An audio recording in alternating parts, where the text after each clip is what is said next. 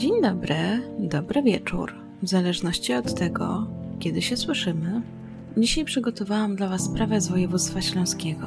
I choć zacznie się w Katowicach, to finał znajdzie w innej miejscowości. Będzie to też krótszy odcinek, ale myślę, że zdecydowanie warto przypomnieć o tej sprawie. Jest to też przedostatni odcinek serii Zbrodnia po polsku, i w zasadzie oprócz tego został nam już tylko odcinek z województwa małopolskiego. Jeszcze nie wiem, czy ten ostatni odcinek będzie dokładnie za tydzień, dlatego że wymaga ode mnie zebrania naprawdę wielu materiałów i chciałabym bardzo porządnie zrobić tę sprawę. I też od razu wspomnę, że będzie to zdecydowanie dłuższy odcinek. I od razu też wspomnę, że przy najbliższym odcinku będę miała dla Was niespodziankę. I ten najbliższy będzie też dotyczył sprawy zagranicznej, bo też ostatnio pytaliście, czy teraz już będą tylko sprawy polskie. Nie, powoli wracamy już do zagranicznych. No dobra, a teraz zapraszam Was do wysłuchania dzisiejszej historii.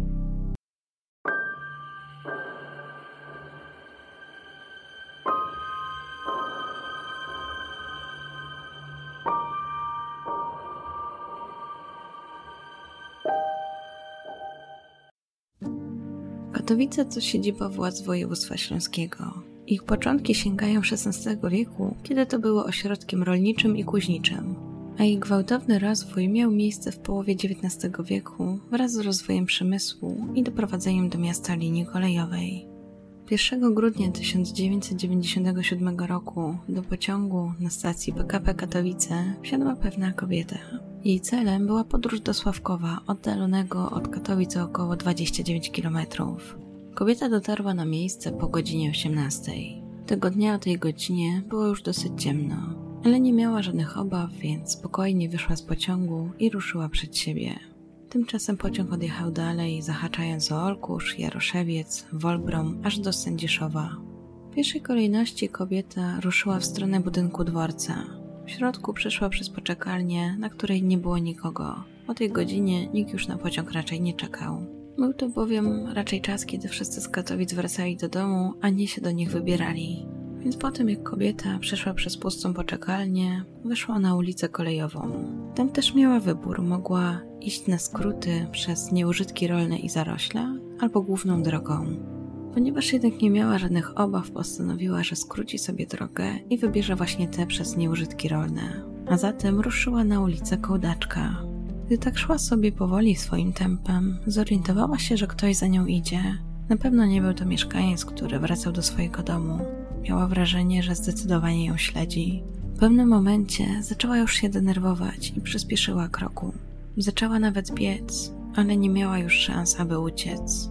Nieznajomy mężczyzna ją dogonił, uderzył ją kijem, a potem, gdy straciła równowagę, przeniósł pobliskie krzaki. Kobieta krzyczała, ale wydawało się, że nikt jej nie słyszał. Miała jeszcze nadzieję, że wyjdzie z tego cało, ale mężczyzna był bezlitosny. Najpierw ją pobił, potem zgwałcił, a na końcu odebrał życie. W tym czasie tuż obok przechodził inny mężczyzna, któremu wydawało się, że coś słyszał w krzakach. Mieszkaniec Sławkowa kierował się akurat do baru, aby wybić kilka piw. Było jednak ciemno, niczego nie widział i bał się sam zareagować na te krzyki, dlatego postanowił czym prędzej udać się do baru. Odgłosy nie dawały mu jednak spokoju, dlatego gdy tylko doszedł na miejsce i spotkał swojego kolegę, od razu się zapytał, czy ten na chwilę nie wyjdzie z baru i nie przejdzie się z nim w okolicy, z której dobiegały niepokojące dźwięki. Jego znajomy powiedział, że oczywiście nie ma problemu i razem ruszyli we wspomniane miejsce. Zanim jednak tam doszli, trochę czasu już minęło i na ratunek dla wspomnianej kobiety było już za późno. Na miejsce dotarli około godziny 20. Oznaczało to, że byli na miejscu co najmniej godzinę po tym, jak doszło do ataku. Mówię co najmniej, bo do dziś nie określono, o której godzinie do niego doszło. Gdy w końcu mężczyźni znaleźli się na miejscu, o którym wspominał mieszkaniec Sławkowa, dokonali makabrycznego odkrycia. Na ziemi w zaroślach dostrzegli zwłoki kobiety. Początkowo nie wiedzieli, że kobieta nie żyje. Liczyli jeszcze, że być może straciła przytomność, dlatego jeden z nich podszedł do niej i sprawdził jej puls. Niestety jej serce już nie biło. Od razu w oczy rzuciło im się także to, że kobieta została pobita. Postanowili jak najszybciej zgłosić to na policję, ale były to jeszcze czasy, że nie każdy posiadał telefon komórkowy. Do tego, aby wezwać pomoc, musieli udać się gdzie indziej, gdzieś, gdzie będzie telefon stacjonarny.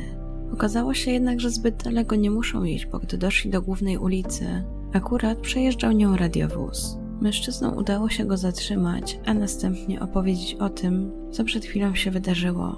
Funkcjonariusze po wysłuchaniu ich od razu wezwali odpowiednie służby na miejsce. Do tej sprawy przydzielono policjantów z Komendy Rejonowej Policji w Dąbrowie Górniczej. Oprócz nich na miejsce został wezwany m.in. lekarz. Po upewnieniu się potwierdził, że kobieta nie żyje. Funkcjonariusze rozglądając się po miejscu zbrodni od razu potwierdzili, że zbrodnia ta miała charakter gwałtowny. Przy kobiecie znaleziono także jej dokumenty, dlatego ustalenie jej tożsamości tym razem poszło bardzo sprawnie. Okazało się, że jest nią Barbara Kubiczek. Dlaczego zbrodnia ta miała charakter gwałtowny?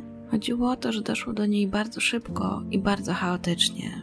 Na pierwszy rzut oka policjanci podejrzewali też, że doszło do gwałtu, dlatego że kobieta była rozebrana od pasa w dół.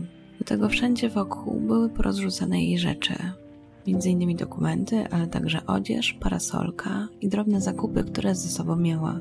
Ponieważ do zbrodni musiało dojść niedawno, tego dnia nie padało, liczono, że wokół znajdują się jeszcze ważne ślady. W związku z tym na miejsce sprowadzono psa i ku początkowej uciesze policjantów podjął on trop, ale skończył się on tuż przy ulicy Kołdaczka, czyli tej ulicy niedaleko dworca. Na tym etapie więcej śladów z miejsca zbrodni nie zebrano. Pozostawało więc czekać na wyniki sekcji zwłok oraz prześledzić to, co pani Barbara robiła ostatniego dnia życia. Choć kobieta miała swoje mieszkanie w Katowicach, to jednak pochodziła z Olkusza. Była niezamężna, nie miała dzieci, ale pracowała i sama się utrzymywała. Można powiedzieć, że jej życie było bardzo stabilne. Była już kobietą w średnim wieku. Pracowała jako sekretarka i telefonistka w dużym przedsiębiorstwie oraz posiadała swoje mieszkanie położone na zawodziu przy ulicy Bohaterów Monte Cassino. Była przy tym osobą skromną, raczej taką, która nie wyróżnia się z tłumu. Raczej nie była osobą rozrywkową, wręcz przeciwnie, stroniła od kontaktów towarzyskich. Jeśli już miała jakieś towarzystwo, to głównie była to jej rodzina albo przyjaciele. W 1997 roku zdecydowała się też na małą rewolucję w swoim życiu. Postanowiła, że wynajmie swoje katowickie mieszkanie i na jakiś czas przeniesie się do domu brata, który mieszkał właśnie w Sławkowie. Nie oznaczało to jednak, że decyduje się na to, by zrezygnować z pracy. Wręcz odwrotnie, dalej planowała dojeżdżać do Katowic. Nie znalazłam informacji, co było powodem takiej zmiany. Czy chodziło o to, że chciała oszczędzić trochę pieniędzy, czy może chciała być bliżej rodziny, mieć jakieś towarzystwo. Tak czy siak, tak właśnie postanowiła i tak też się stało. Jednak oprócz zmiany miejsca zamieszkania, nic w zasadzie więcej w jej życiu się nie zmieniło. 1 grudnia 1997 roku przypadał w poniedziałek. Był to więc standardowy dzień pracy pani Barbary. Była osobą sumienną, pracowitą, można było na niej polegać. Nie opuszczała bez powodu dni pracy, więc jak to powinno być, tak też pojawiła się 1 grudnia w pracy. Dzień zleciał jej bardzo szybko, nic takiego tam się nie wydarzyło. Po pracy planowała wrócić do Sławkowa, ale zanim to zrobiła, postanowiła, że jeszcze zajrzy do banku. Cały czas spłacała jeszcze kredyt, więc akurat był początek miesiąca i czas było wpłacić kolejną ratę. Więc tak jak planowała, wybrała się do pobliskiego oddziału swojego banku i tam też udało się potwierdzić, że dokonała wpłaty kolejnej raty na kwotę 100 zł i 66 groszy dokładnie o godzinie 15.59. Pracownica, która przyjmowała od niej tę wpłatę, była też ostatnią osobą, która z całą pewnością mogła potwierdzić, że widziała panią Barbarę. Wszystko wskazywało na to, że następnie kobieta udała się na dworzec PKP, a przynajmniej taką hipotezę przyjęli śledczy. Jeśli faktycznie tak by było, to o godzinie 17.25 mogłaby wyruszyć pociągiem w kierunku Sławkowa. Ale nie można też było wykluczyć tego, że pojechała następnym, który wyjeżdżał o godzinie 18.15 i wtedy w Sławkowie byłaby o 18.58. Na tym etapie podejrzewano, że sprawca mógł ją już dostrzec pociągu. Choć oczywiście nie można tego było założyć z całą pewnością, bo równie dobrze mógł ją już dostrzec na dworcu w Sławkowie. Według magazynu kryminalnego 997, tuż przed tym jak kobieta wyjechała w kierunku Sławkowa, zadzwoniła jeszcze do swojej przyjaciółki. Twórcy programu przedstawili taką wersję, że kobieta jechała pociągiem właśnie o tej 17.25, który miał dwuminutowe spóźnienie i że w Sławkowie miała się najpierw spotkać ze swoją przyjaciółką. Z którą właśnie miała się skontaktować po tym, jak wyszła z banku. Oznaczałoby to, że we wspomnianej miejscowości była około 18.09. 2 grudnia prokurator wydał oficjalne postanowienie o wszczęciu śledztwa w sprawie zabójstwa pani Barbary. W pierwszej kolejności dokonano sekcji zwłok.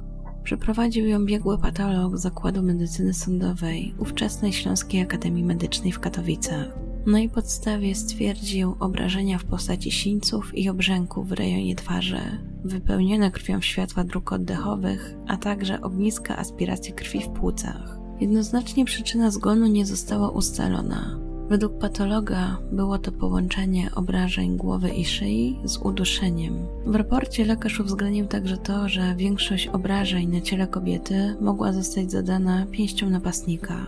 Potwierdził także, że obrażenia wokół okolicy narządów płciowych wynikały z tego, że doszło do gwałtu. Dalej policjanci prowadzili rutynowe śledztwo. Oznaczało to, że przesłuchiwali członków najbliższej rodziny, sąsiadów czy współpracowników. Zwrócono się także do konduktorów i całej obsługi pociągów, które jeździły we wspomnianym czasie. Udało się nawet dotrzeć do pasażerów, którzy pamiętali kobietę, ale w zasadzie to tyle, bo niczego takiego się nie wydarzyło, aby zwróciła ich uwagę, czy jakikolwiek inny pasażer. Na podstawie zebranych do tej pory informacji, śledczy założyli, że bez wątpienia była to zbrodnia, która miała podtekst seksualny. Postanowiono więc sprawdzić, czy przypadkiem mniej więcej w podobnym czasie nie dochodziło do innych zbrodni, które zostały gdzieś zgłoszone, czy to w Sławkowie, czy w okolicy. I okazało się, że to, co spotkało panią Barbarę, nie było wyjątkiem. Okazało się, że kilka mieszkanek Sławkowa oraz Sosnowca zgłaszały różne zdarzenia o podtekście seksualnym. Ale to, co je łączyło, to to, że wszystkie były ofiarami napastowania przez nieznanego mężczyznę. Co było jeszcze bardziej zaskakujące, do wszystkich tych zdarzeń dochodziło albo podczas jazdy pociągiem, albo zaraz tuż po wyjściu z niego, czyli na dworcu. Kobiety to jednak miały więcej szczęścia, bo wszystkie przeżyły. Do ostatniego takiego zdarzenia doszło 30 listopada 1997 roku, czyli dzień wcześniej, przed tym, jak została zaatakowana pani Barbara. Na podstawie zeznań mieszkanki Sławkowa sporządzono portret pamięciowy. Został on także później pokazany w programie Magazyn Kryminalny 997. Mężczyznę określono jako kogoś, kto działa w godzinach wieczornych po zapadnięciu zmroku. Przeważnie do zbrodni z jego udziałem dochodzi w pobliżu stacji kolejowych lub komunikacji miejskiej. Jego wzrost został określony na średni. Opisano go jako blondyna z charakterystyczną grzywką, a jego wiek określono na około 25 lat. Jednak to, przed czym śledczy przestrzegali, to to, że mężczyzna działa w sposób cykliczny i że raczej zakładają, że mogą być kolejne przypadki, dlatego było to też ostrzeżenie dla kobiet. Pomimo tego, że śledczy chodzili z tym portretem także po Sławkowie i okolicach, to niestety nie udało się ustalić tożsamości mężczyzny. Co prawda wskazano na kilka osób, ale wszystkie miały alibi i zostały wykluczone z grona podejrzanych. Policjanci jednak sprawdzali każdego, kto znalazł się na ich liście. Wśród tych osób byli także mężczyźni, którzy wcześniej byli karani za przestępstwa z jakimś elementem seksualnym, a także okoliczni bezdomni czy osoby z jakimiś dysfunkcjami psychicznymi. W toku śledztwa ustalono także, że kobieta po tym jak została zamordowana, została także okradziona, bo sprawca dokładnie sprawdził jej torebkę i ukradł z niej pieniądze, złoty łańcuszek oraz książeczkę czekową. Właśnie wtedy, gdy szukał tych rzeczy, porozrzucał wszystkie rzeczy pani Barbary po okolicy. Widać było, że robił to w pośpiechu, być może słyszał już wtedy kroki mieszkańca Sławkowa, który wybierał się tego dnia do baru. Jak się później okazało, był nieświadomym świadkiem tej zbrodni. Być może, gdyby wtedy zareagował, to pani Barbara dalej by żyła. I choć przeprowadzono te wszystkie działania, przeprowadzono wywiady z mieszkańcami, sprawdzono wszystkich podejrzanych, to niczego nie znaleziono. A w związku z tym stało się to, co przeważnie dzieje się w takich sprawach. Śledztwo zostało umorzone z powodu niewykrycia sprawcy przestępstwa. Z taką decyzją nie zgodziła się jednak rodzina pani Barbary. Z wyraźnym sprzeciwem wystąpiła m.in. jej siostra, która złożyła zażalenie na taką decyzję prokuratora. Jej zdaniem nie zostało zrobione wszystko, co powinno być zrobione, że jeszcze jest wiele rzeczy, które należałoby sprawdzić. Sprawa trafiła więc do prokuratora wojewódzkiego w Katowicach. Ale po tym, jak przez chwilę rodzina pani Barbary miała nadzieję, że być może jeszcze ta sprawa będzie miała dalszy ciąg, przyszło odrzucenie zażalenia siostry pani Barbary, a to oznaczało, że sprawa pozostanie umorzona aż do czasu znalezienia jakichś nowych dowodów. Jak czytamy w Bez Przedawnienia, uzasadnienie postanowienia brzmiało tak. Na obecnym etapie rokowania na wykrycie sprawcy Barbary Kubiczek dają jedynie działania operacyjne policji. Z tego względu brak jest racjonalnych przesłanek, by kontynuować śledztwo w sensie procesowym, przez co umorzenie postępowania wobec niewykrycia sprawcy jest uzasadnione. I mam wrażenie, jak to przeważnie bywa w takich sprawach, kolejnym zawsze krokiem jest wkroczenie ekipy magazynu kryminalnego 997. I tak też się stało wczesną wiosną 1998 roku, kiedy pan Michał Fajbusiewicz wraz z ekipą pojawił się w Sławkowie. Losy pani Barbary widzowie mogli oglądać 3 czerwca 1998 roku. W programie przedstawiono inscenizację, w której widać jak mieszkaniec Sławkowa idzie do baru i słyszy niepokojące odgłosy. Później prosi swojego znajomego o to, aby poszedł z nimi sprawdził, co to tam się wydarzyło. Następnie znajdują kobietę. Później przyjeżdża policja, ustalają tożsamość kobiety, dowiadują się o tym, że tego dnia była w banku, co potwierdza znaleziony przy niej kwit bankowy. Ustalają także, że pracowała na dwie zmiany, była niezamężna, raczej skromna, nie utrzymywała kontaktów poza rodziną i nie nosiła biżuterii. Według ekipy programu Magazyn Kryminalny 997 tego dnia pracę skończyła o godzinie 15. W związku z tym prawie godzinę później wpłaciła tę ratę i następnie zadzwoniła, tak jak wspominałam, do przyjaciółki. Dalej w programie pokazane jest, jak wysiada z pociągu, a następnie nieznany mężczyzna za nią idzie i ją atakuje. W programie wspomniano także o wcześniejszych zdarzeniach, a do studia zaproszono inspektora, który potwierdził, że portret pamięciowy, który został przedstawiony, to niekoniecznie musi być mężczyzna, który zaatakował panią Barbarę. Jest to na pewno mężczyzna, który wcześniej zaatakował inne kobiety, ale nie ma pewności, czy było też tak w przypadku pani Barbary. Inspektor obstawiał, że mężczyzna podróżuje po Sławkowie, Olkuszu i Chrzanowie. Jest to prawdopodobnie związane z jego pracą albo miejscem zamieszkania. Najczęściej bywał widziany przez świadków albo w komunikacji miejskiej, albo pociągu. Oczywiście po programie poproszono, aby wszyscy świadkowie się zgłaszali i każda informacja jest ważna, ale niestety i tym razem nic to nie dało. Podobną rekonstrukcję przygotowało również telewizyjne biuro śledcze z Bronisławem Cieślakiem w 1999 roku. A następnie o tej sprawie zrobiło się cicho na kolejne 20 lat. Bo dopiero 10 stycznia 2019 roku magazyn kryminalny, ale tym razem z Dariuszem Bochatkiewiczem, również podjął ten temat. Niestety nie wiem czemu, ale akurat ten odcinek nie jest dostępny w internecie. Został jakby usunięty i nie mogłam go obejrzeć. Jeśli Wam się uda gdzieś na niego trafić, to dajcie znać, czy może coś nowego się w nim pojawiło, jakieś nowe informacje. Sprawa nadal pozostaje w zainteresowaniu śląskiej policji.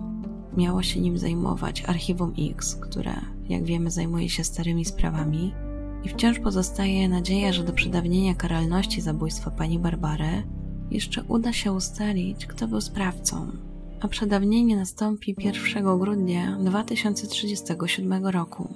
Wiem, że zabezpieczono próbki z ciała pani Barbary oraz jej ubrań, więc mam nadzieję, że wraz z rozwojem technologii uda się trafić na odpowiednie dopasowanie i sprawca zostanie wykryty.